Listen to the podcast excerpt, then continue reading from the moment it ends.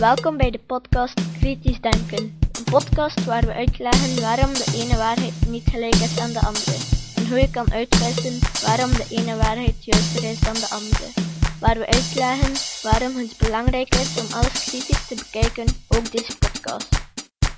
Goeiedag, ik ben Jozef van Giel. Vandaag is het 17 mei 2009 en dit is de dertiende aflevering van de podcast Kritisch Denken. Rick de Laat verbeterde mijn tekst. Vorige aflevering spraken we over homeopathie. Ondertussen is een opmerkelijk artikel gepubliceerd dat ik jullie niet wil onthouden. In de morgen van 5 mei kan je lezen dat een Australische homeopaat aangeklaagd is om de dood van zijn baby. Deze homeopaat had een dochtertje van 9 maanden die problemen had met een huidaandoening. Hij en zijn vrouw weigerden om een reguliere arts te zien, en ze hebben koppig hun kind met homeopathie blijven behandelen. Het kind is overleden terwijl deze aandoening tegenwoordig perfect te behandelen is. Ik heb beloofd om over kruidengeneeskunde te spreken. Dat wordt mijn volgende aflevering. En waarover moet de dertiende aflevering dan gaan? Over numerologie natuurlijk. Als je in Wikipedia numerologie intypt, dan krijg je volgende uitleg.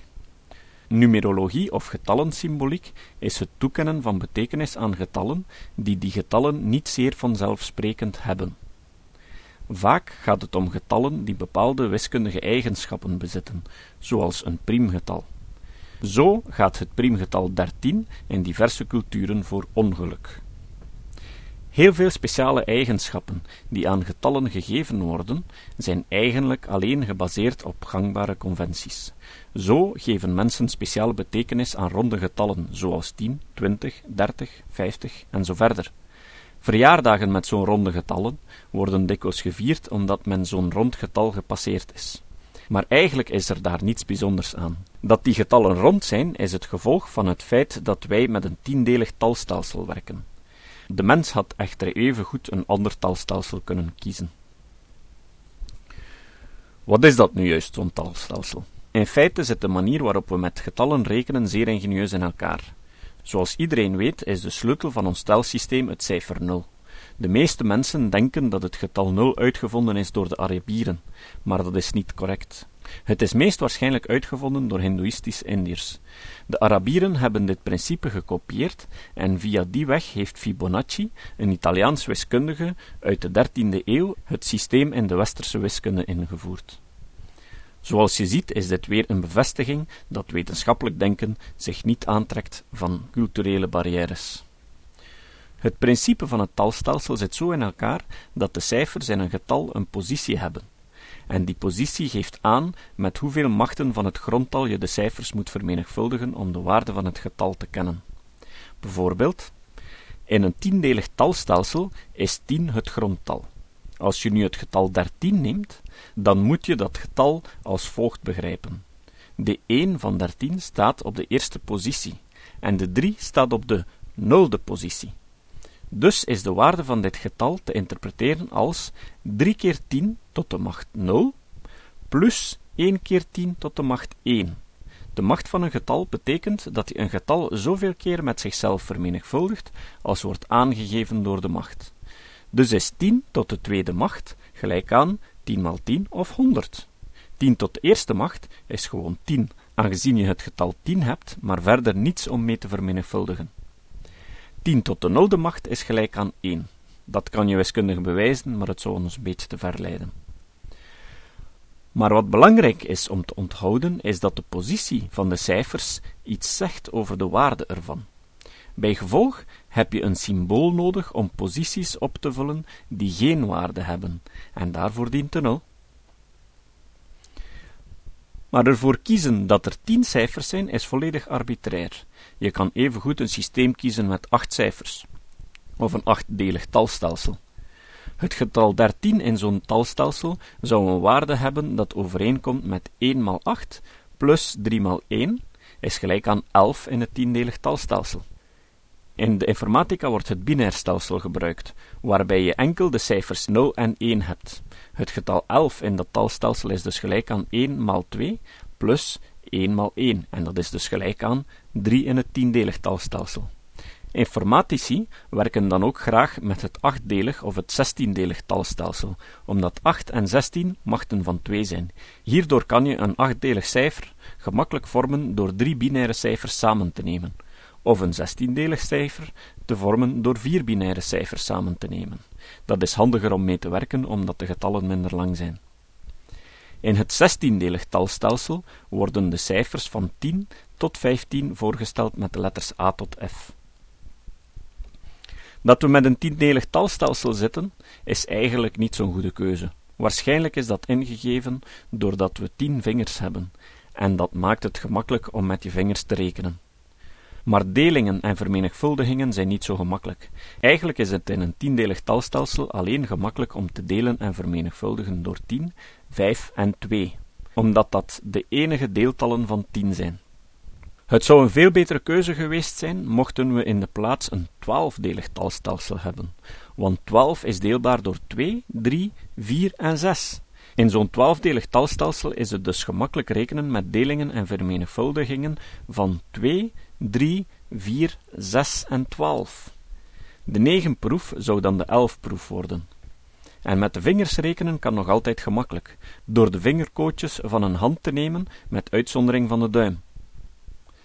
De Mesopotamiërs gebruikten trouwens zo'n twaalfdelig talstelsel en op sommige plaatsen in Oost-Afrika wordt het nog altijd gebruikt. Natuurlijk zou het niet handig zijn om te veranderen, omdat de ganse wereld nu met het tiendelig talstelsel werkt. Maar het is belangrijk om te begrijpen dat het slechts een conventie of een afspraak is. Je veertigste verjaardag vieren is dus eigenlijk niet specialer dan je 48ste verjaardag vieren, want dat is in het twaalfdelig talstelsel het ronde getal 40. Maar ik heb geen enkel probleem met het vieren van feesten op ronde verjaardagen. Hoe meer excuses we hebben om te feesten, hoe meer leuten. Daarom zou ik er eigenlijk voor willen pleiten om ook te feesten op verjaardagen die priemgetallen zijn, zoals 41, 37, 43, 47, op machten van 2, zoals 4, 8, 32, op kwadraten, zoals 4, 9, 16, 25, 36, op symmetrische dagen, zoals 20 september 2009, Extra grote feesten zouden er moeten gegeven worden op verjaardagen die een priemgetal zijn, gelijk aan de macht van 2 min 1, zoals bijvoorbeeld 7 en 31. Al deze feesten zijn trouwens niet afhankelijk van een talstelsel. Je zou ze dus kunnen opvatten als multiculturele feesten. Deze vorm van numerologie zijn natuurlijk geen enkel probleem, integendeel, het is plezant en ik doe er nog graag aan mee, als we maar kunnen feesten maar het wordt een groter probleem als mensen wetenschappelijke waarde aan numerologie toekennen. Als mensen hun bed niet uitdurven op vrijdag de dertiende, of als mensen hun leven erdoor laten bepalen. Hierover staat er een heel goed artikel in het woordenboek van de scepticus. Een link vind je op mijn website. Met toelating van Herman Boel, die deze prachtige website onderhoudt, lees ik hiervoor wat het woordenboek van de scepticus over numerologie zegt. Numerologie is de leer van de occulte betekenissen van getallen en hun invloed op het leven van de mens. Sommige vermeend paranormaal begaafden, zoals Uri Geller, beweren dat numerologie hen helpt gebeurtenissen te begrijpen, zoals de terroristische aanvallen op 11 september 2001. Volgens een advertentie in het Amerikaanse blad Parade Magazine van 25 februari 1996 werd een gezaghebbende tekst over numerologie geschreven door Matthew Goodwin, een oud-leerling van de Massachusetts Institute of Technology, die ooit gewerkt had in de personeelsdienst van een architectenbureau. Hij leerde deze getallenwetenschap, zoals hij het noemt, van een bediende op kantoor. De advertentie is een pseudo-artikel, ook wel infomercial genoemd, schijnbaar geschreven door J.J. Leonard en is niets meer dan een uitnodiging om hem 9 dollar te sturen voor een numerologische lezing die 80 dollar of meer waard is. In zijn advertentie legt hij uit hoe numerologie werkt. Het begint allemaal met uw naam en geboortedatum. Zij vormen de databank waarmee de numerologist in staat is u ongezien te beschrijven. Aan de letters van uw naam worden getalwaarden gegeven. Door deze toe te voegen aan de cijfers in uw geboortedatum, in diverse combinaties kan een numeroloog uw sleutelgetallen bepalen. Hij verklaart dan de betekenis van deze sleutelgetallen, wat leidt tot een volledige beschrijving van uw persoonlijkheidskenmerken.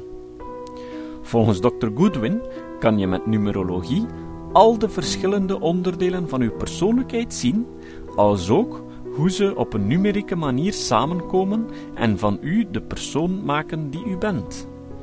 Dit zal ervoor zorgen dat u gebruik zal kunnen maken van uw sterktes op een manier die tot nog toe onmogelijk was. Wat denkt u dat de kansen zijn dat a. Een reeks getallen verbonden met de letters van uw naam en uw geboortedatum zullen onthullen wie u bent en wat u met uw leven zou moeten aanvangen, of b. Dat iemand heeft gevonden hoe deze getallen te lezen. Ik zou zeggen dat de kansen ongeveer onbestaande zijn. Niettemin moet numerologie niet worden afgewezen zonder een grondig onderzoek van de onderliggende theorie. Jammer genoeg lijkt er zo geen theorie te zijn. We worden enkel verondersteld om het woord van Dr. Goodwin te geloven dat numerologie werkt, ook al hebben we geen flauw van hoe het werkt. Dat wil zeggen, numerologen kunnen een lezing voor u doen, net als astrologen, bioritmisten en Myers-Briggs dat kunnen. U zal verbaasd staan over hoe precies de lezing is. U bent er zich waarschijnlijk niet eens van bewust hoe selectief uw denken is geworden, naarmate u verbijsterd bent door de juistheid van uw lezing. Wanneer u uw lezing krijgt, dan zal u misschien merken dat u de delen die niet op u van toepassing zijn negeert, maar dat u zich richt op de delen die wel van toepassing lijken te zijn. Die kunnen daadwerkelijk op u van toepassing zijn, of ze passen in het zelfbeeld van hoe u uzelf graag ziet. Het maakt niet uit. Als ze passen, dan zal u ervoor vallen. De getuigenissen voor numerologie en paranormaal begaafden via telefoon zijn gelijkaardig. Huwelijken worden gered, jobs worden verkregen, persoonlijke problemen worden opgelost en liefde wordt gevonden. Een van de redenen waarom numerologie en zogenaamd paranormaal begaafden zoveel aantrekkingskracht hebben, is de wens om iemand te vinden die u vertelt dat u een hoop verborgen sterktes en krachten bezit, die uw diepste noden en emoties zal aanmoedigen. Maar men moet al bijzonder wanhopig zijn om zomaar toe te staan dat die vreemde, die er geen idee van heeft wie u bent, er zijn natuurlijk mensen die eenvoudigweg wachten op iemand om hen te zeggen wat ze met hun leven moeten doen. Anderzijds is elk van ons soms kwetsbaar. We voelen ons ongeliefd, onbegrepen, verward of stuurloos. De getuigenissen klinken goed of een vriend is een tevreden klant, dus proberen we maar eens. Maar de echte reden waarom numerologie aantrekkelijker is dan hand- of kristallezen of andere niet-numerieke persoonlijkheidsanalysen en voorspellingen, is dat de getallen deze kwakzalverij een wetenschappelijke en mystieke machtiging lijken te geven, vooral als gebruik wordt gemaakt van ingewikkelde statistische analyses. De hierboven vermelde advertentie van Dr. Goodwin citeert Pythagoras als de grondlegger van de numerologie. Het klopt dat de volgelingen van Pythagoras een secte vormden met esoterische ideeën over het heelal en getallen, met inbegrip van het idee van harmonie van de hemelen. Ze zagen ongetwijfeld iets mystieks in de verhouding van de zijden van een driehoek, die nu als de stelling van Pythagoras bekend staat maar het is niet bewezen, maar het is niet bewezen dat Pythagoras dacht de persoonlijkheden van zijn leerlingen te kunnen analyseren door middel van de geboortedata en de getallen verbonden aan de letters van hun namen. Ten eerste zou hij de onredelijkheid van dergelijk idee hebben beseft. Verschillende talen hebben verschillende alfabetten, Verschillende culturen gebruiken verschillende kalenders. Het is onredelijk genoeg te denken dat het universum geordend is volgens numerieke transcripties van namen, maar denken dat er diverse gelijkwaardige transcripties zijn om de culturele verschillen op te vangen, gaat zelfs aan het onredelijke voorbij. Zelfs indien het heelal zo onredelijk was ontworpen, hoe zouden we dan ooit kunnen weten welke lezing van de getallen van een persoon de juiste is? Heeft het begrip juiste lezing wel een betekenis in deze zogenaamde discipline? Erkennen dat vele dingen in het heelal kunnen worden uitgelegd door ze te herleiden naar een wiskundige formule is één ding. De formule kan getest worden en als correct of foutief worden aanzien. Maar verklaren dat de naam die u bij uw geboorte krijgt voorbestemd was om samen te vallen met uw geboortedatum en om in harmonie te worden gebracht met bepaalde getallen, zodat bepaalde speciale mensen, de numerologen, uit deze gegevens konden berekenen wie u bent, wat u zal worden, wat u nodig heeft en voelt wat u moet doen, is iets helemaal anders.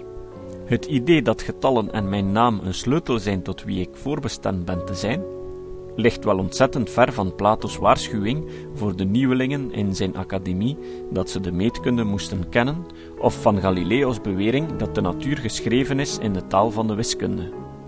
Het is onjuist om wiskundig begaafden of wetenschappers te citeren die bekoord waren door wiskunde, voor te stellen als medereizigers. In ieder geval, zelfs indien Pythagoras, Plato, Kepler, Galileo en Einstein numerologen waren, zou het de theorie van de numerologie geen greintje geloofwaardiger maken. Dat is eigenlijk een autoriteitsargument. Er zijn nog hopen aspecten rond numerologie te bespreken. Op Wikipedia vind je onder andere het verband tussen de aanslagen van 911 en het noodnummer 911 in Amerika.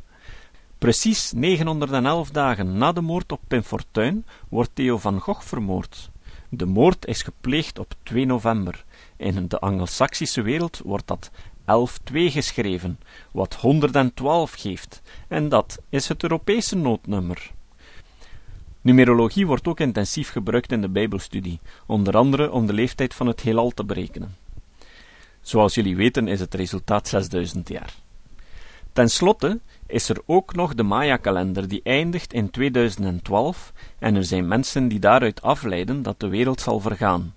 Er is zelfs de Belg Patrick Girl die er een boek over schreef en nu een bunker bouwt in het Zuid-Afrikaanse Drakensberg om de rampen te overleven. Je kan de link vinden op mijn website. Misschien hou ik daar nog een aparte aflevering over.